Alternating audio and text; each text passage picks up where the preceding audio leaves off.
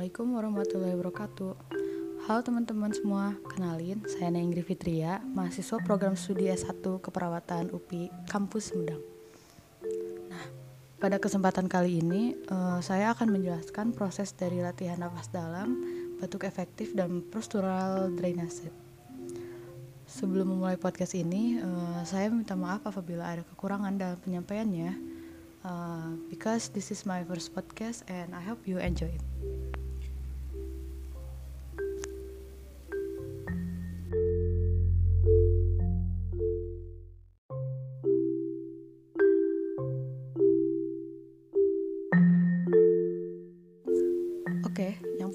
Kita akan membahas tentang latihan nafas dalam. Latihan napas dalam adalah bernafas dengan perlahan dan menggunakan diafragma sehingga memungkinkan abdomen terangkat perlahan dan dada mengembang penuh.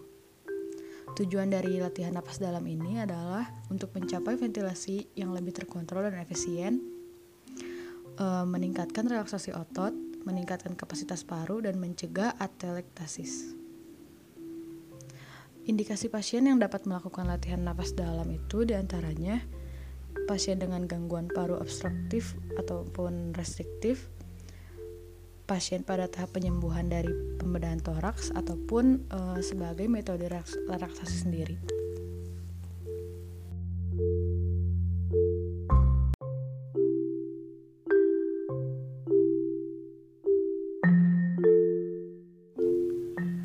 Bentuk dari latihan napas dalam di antaranya ada pernapasan diafragma uh, berikut tahapan-tahapan pernapasan diafragma. Yang pertama, pemberian oksigen bila penderita mendapat terapi oksigen di rumah. Lalu, uh, posisikan pasien uh, bisa secara duduk, terlentang, atau setengah duduk, tidur miring ke kanan atau ke kiri, atau mendatar.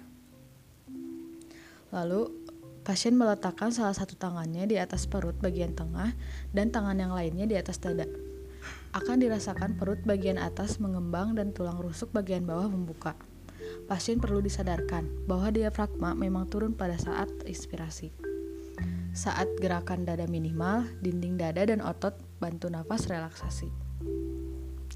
Kemudian, pasien menarik nafas melalui hidung dan ekspirasi secara perlahan melalui mulut. Diafragma sengaja dibuat aktif dan memaksimalkan prostitusi perut atau pengembangan perut. Otot perut bagian depan dibuat berkontraksi selama inspirasi untuk memudahkan gerakan diafragma dan meningkatkan ekspansi sangkar toraks bagian bawah. Selanjutnya, selama ekspirasi, pasien dapat menggunakan kontraksi otot perut untuk menggerakkan diafragma lebih tinggi. Beban sebesar setengah kilogram dapat diletakkan di atas dinding perut untuk membantu aktivitas ini.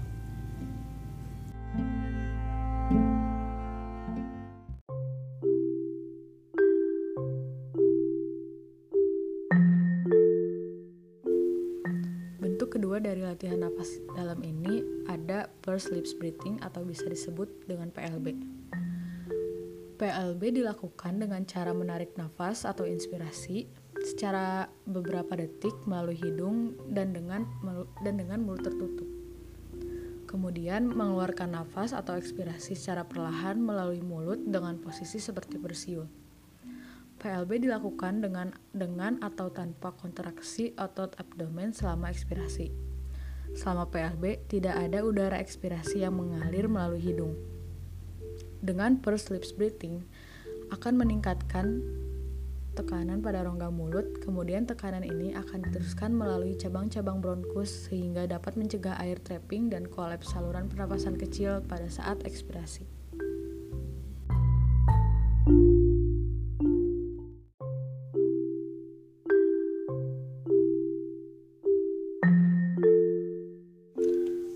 Saya akan menjelaskan prosedur pelaksanaan latihan napas dalam. Yang pertama ada tahap pra-interaksi, yaitu memverifikasi data, mengidentifikasi pasien dengan tepat, lalu kita mencuci tangan, dan mendekatkan alat ke dekat pasien. Yang kedua ada tahapan orientasi. Di sini eh, kita bisa menyapa atau mengucapkan salam kepada pasien atau memperkenalkan diri, lalu menjelaskan tujuan dan prosedur pelaksanaan uh, kemudian menanyakan persetujuan atau kesiapan pasien. Yang ketiga ini ada tahapan kerjanya. Yang pertama, uh, mengatur posisi yang nyaman bagi pasien dengan posisi setengah duduk di tempat tidur, di kursi atau lying position atau posisi terbaring di tempat tidur dengan satu bantal. Lalu memfleksikan lutut pasien untuk merelaksasikan otot abdomen. Tempatkan satu atau dua tangan pada abdomen tepat di bawah tulang iga. Lalu, tarik nafas melalui hidung, jaga mulut tetap tutup, hitung sampai 3 selama inspirasi. Kemudian, konsentrasi dan rasakan gerakan naiknya abdomen sejauh mungkin. Tetap dalam kondisi rileks dan cegah lengkung pada punggung. Jika ada kesulitan menaikkan abdomen, ambil nafas secara cepat, nafas kuat lewat hidung. Kemudian, hembuskan lewat bibir seperti meniup dan ekspirasi secara perlahan dan kuat, sehingga terbentuk suara hembusan tanpa menggembungkan pipi. Konsentrasi dan rasakan turunnya abdomen dan kontraksi dari otot abdomen ketika ekspirasi. Hitung sampai 7 selama ekspirasi. Gunakan latihan ini setiap kali merasakan nafas pendek dan tingkatkan secara bertahap selama 5-10 menit, 4 kali dalam sehari. Latihan teratur akan membantu pernafasan tanpa usaha. Latihan ini dapat dilakukan dalam posisi duduk tegap, berdiri maupun berjalan. Yang terakhir ada tahapan terminasi, yaitu mengevaluasi tindakan yang dilakukan oleh pasien, merapikan pasien dan lingkungan, eh, lalu eh, berpamitan dengan pasien dan mencuci tangan. Kemudian kita mencatat kegiatan ke dalam lembar catatan keperawatan.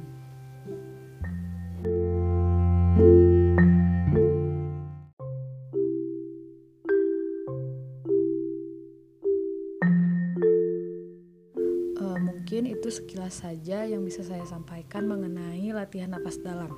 Selanjutnya saya akan menjelaskan tentang batuk efektif. Batuk efektif adalah suatu metode batuk dengan benar di mana pasien dapat menghemat energi sehingga tidak mudah lelah dalam mengeluarkan sikrit yang terakumulasi dan mengganggu saluran pernapasan dengan cara dibatukan. Tujuan dari batuk efektif ini yaitu membebaskan jalan nafas dari akumulasi sikrit, mengeluarkan sputum untuk pemeriksaan diagnostik laborat, dan mengurangi sesak nafas karena akumulasi sekret. Nah, e, indikasi pasien yang dapat melakukan batuk efektif ini di antaranya pasien dengan gangguan saluran nafas akibat akumulasi sekret, pasien yang akan dilakukan pemeriksaan diagnostik sputum, pasien setelah menggunakan bronkodiator, dan pasien dengan gangguan e, asma atau pasien bed rest atau post operasi. Kemudian uh, ada alat-alat yang bisa digunakan dalam proses batuk efektif, di antaranya uh, tisu, alas, handuk, sputum pot berisi disinfektan, serta cepuk sputum untuk pemeriksaan dia diagnostik dan itu pun jika diperlukan.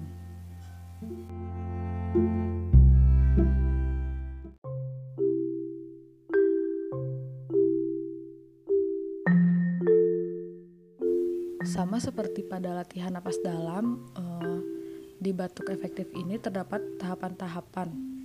Yang pertama ada tahapan prainteraksi, yaitu uh, verifikasi data, mengidentifikasi pasien, mencuci tangan, dan mendekatkan alat kepada pasien.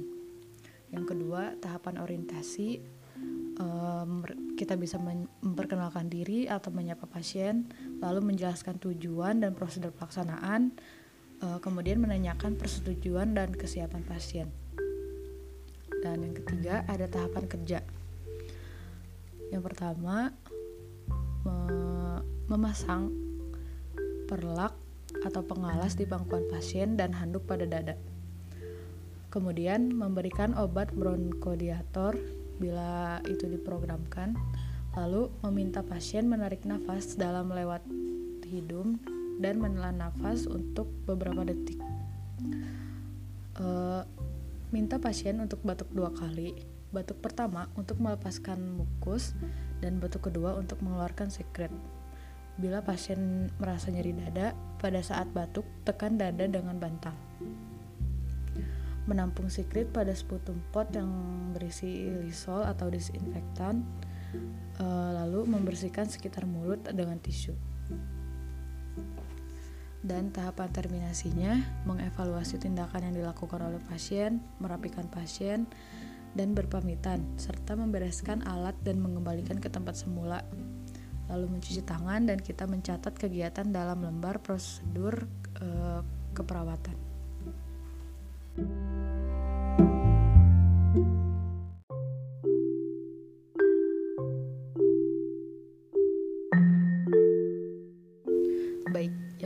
saya akan menjelaskan tentang postural drainase. Postural drainase adalah komponen dari kesehatan paru-paru terdiri dari drainase, posisi, dan turning. Kadang-kadang disertai dengan perkusi dan getaran dada. Tindakan postural drainase meningkatkan pembersihan sekresi dan oksigenasi. Perubahan posisi pada sebagian besar segmen paru-paru membantu mengalirkan sekresi dan segmen spesifik paru-paru dan bronkus ke dalam trakea. Beberapa pasien tidak memerlukan postural drainase semua segmen paru, dan penilaian klinis sangat penting dalam mengidentifikasi paru-paru spesifik segmen yang membutuhkannya. Misalnya, pada pasien dengan lobus kiri bawah, atelektasis membutuhkan drainase postural hanya pada daerah yang terkena. Sedangkan seorang anak dengan sitik fibrosis sering kali membutuhkan drainase postural dari semua segmen paru-paru. Nah, tujuan utama dari terapi ini adalah membersihkan saluran pernafasan dari mukus dengan mengandalkan efek dari gaya gravitasi. Postural drainase juga termasuk tindakan perkusi, vibrasi, dan batuk efektif. Pembersihan saluran pernapasan dengan teknik ini dicapai dengan melakukan salah, salah satu atau lebih dari 10 posisi tubuh yang berbeda. Setiap posisi memiliki tujuan mengalirkan bagian khusus saluran pernapasan. Sebelumnya perlu kita ketahui anatomi paru-paru, uh, Pemberian terapi postural drainase dapat dilakukan dengan durasi 20-40 menit.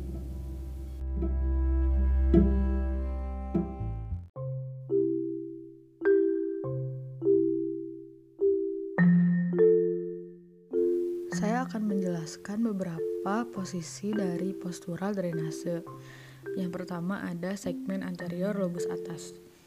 Uh, pada posisi ini, pasien terlentang dengan satu bantal di bawah kepala dan satu bantal di bawah lutut. Kemudian, segmen posterior lobus atas kiri. Pasien terle pasien tidur seperempat tengkurap, miring ke kanan, uh, disangga oleh guling, posisi kepala dan dada 45 derajat, diganjal beberapa bantal. Lalu, segmen posterior lobus atas kanan. Penderita tidur dengan Eh, seperempat tengkurap miring ke kanan, disangga guling, posisi kepala dada 45 derajat dan diganjal beberapa bantal.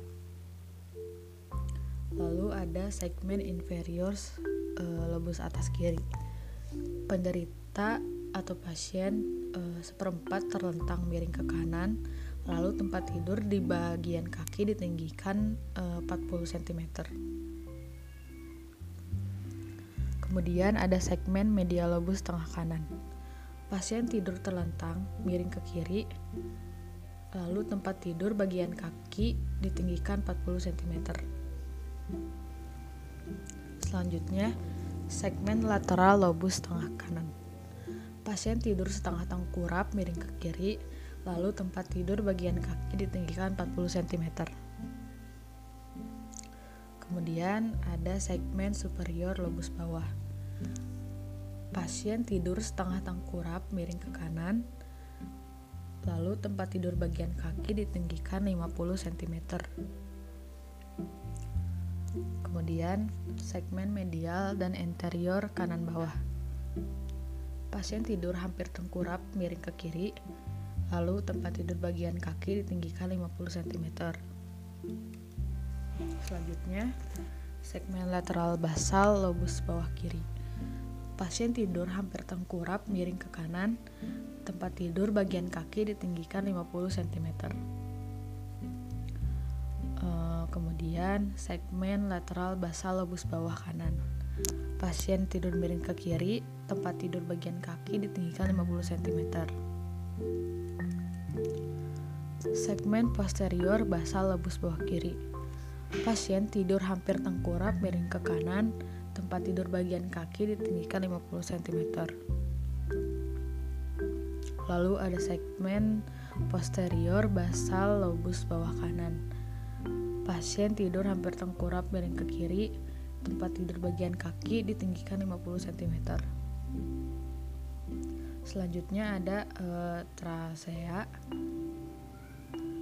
Pasien tidur tengkurap datar, lalu perut diganjal oleh tiga bantal, kemudian tidur dengan bagian kaki ditinggikan 50 cm.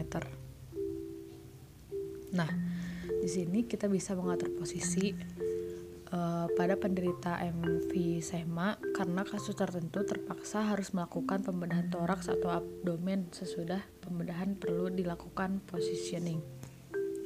Pada penderita tersebut merasa sakit waktu bernafas karena adanya insisi atau karena suatu trauma. Biasanya pen ini akan mengambil posisi tertentu dan menolak karena takut untuk bernapas dalam. E, perawat terus menjelaskan bahwa latihan akan dapat mengurangi nyeri dengan diusahakan gerakan dinding dada tidak terganggu, tidak terganggu dan gerakan diafragma masih dapat dilaksanakan.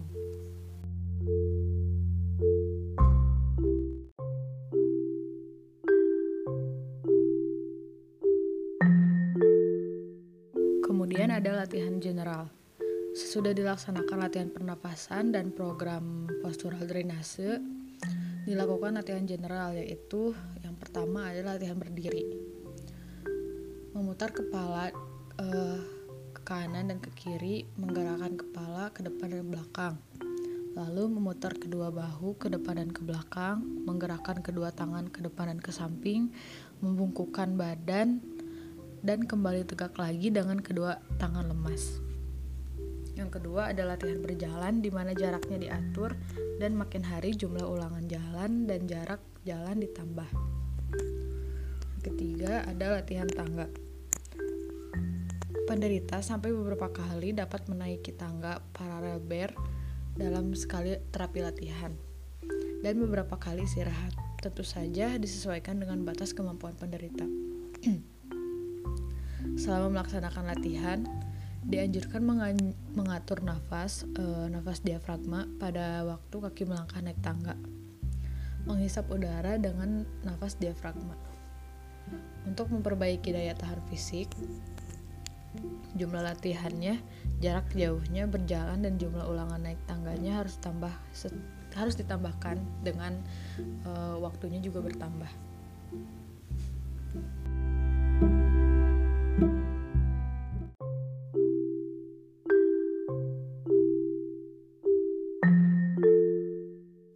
Baik, semua materi sudah saya jelaskan. Semoga ini bisa bermanfaat untuk teman-teman semua.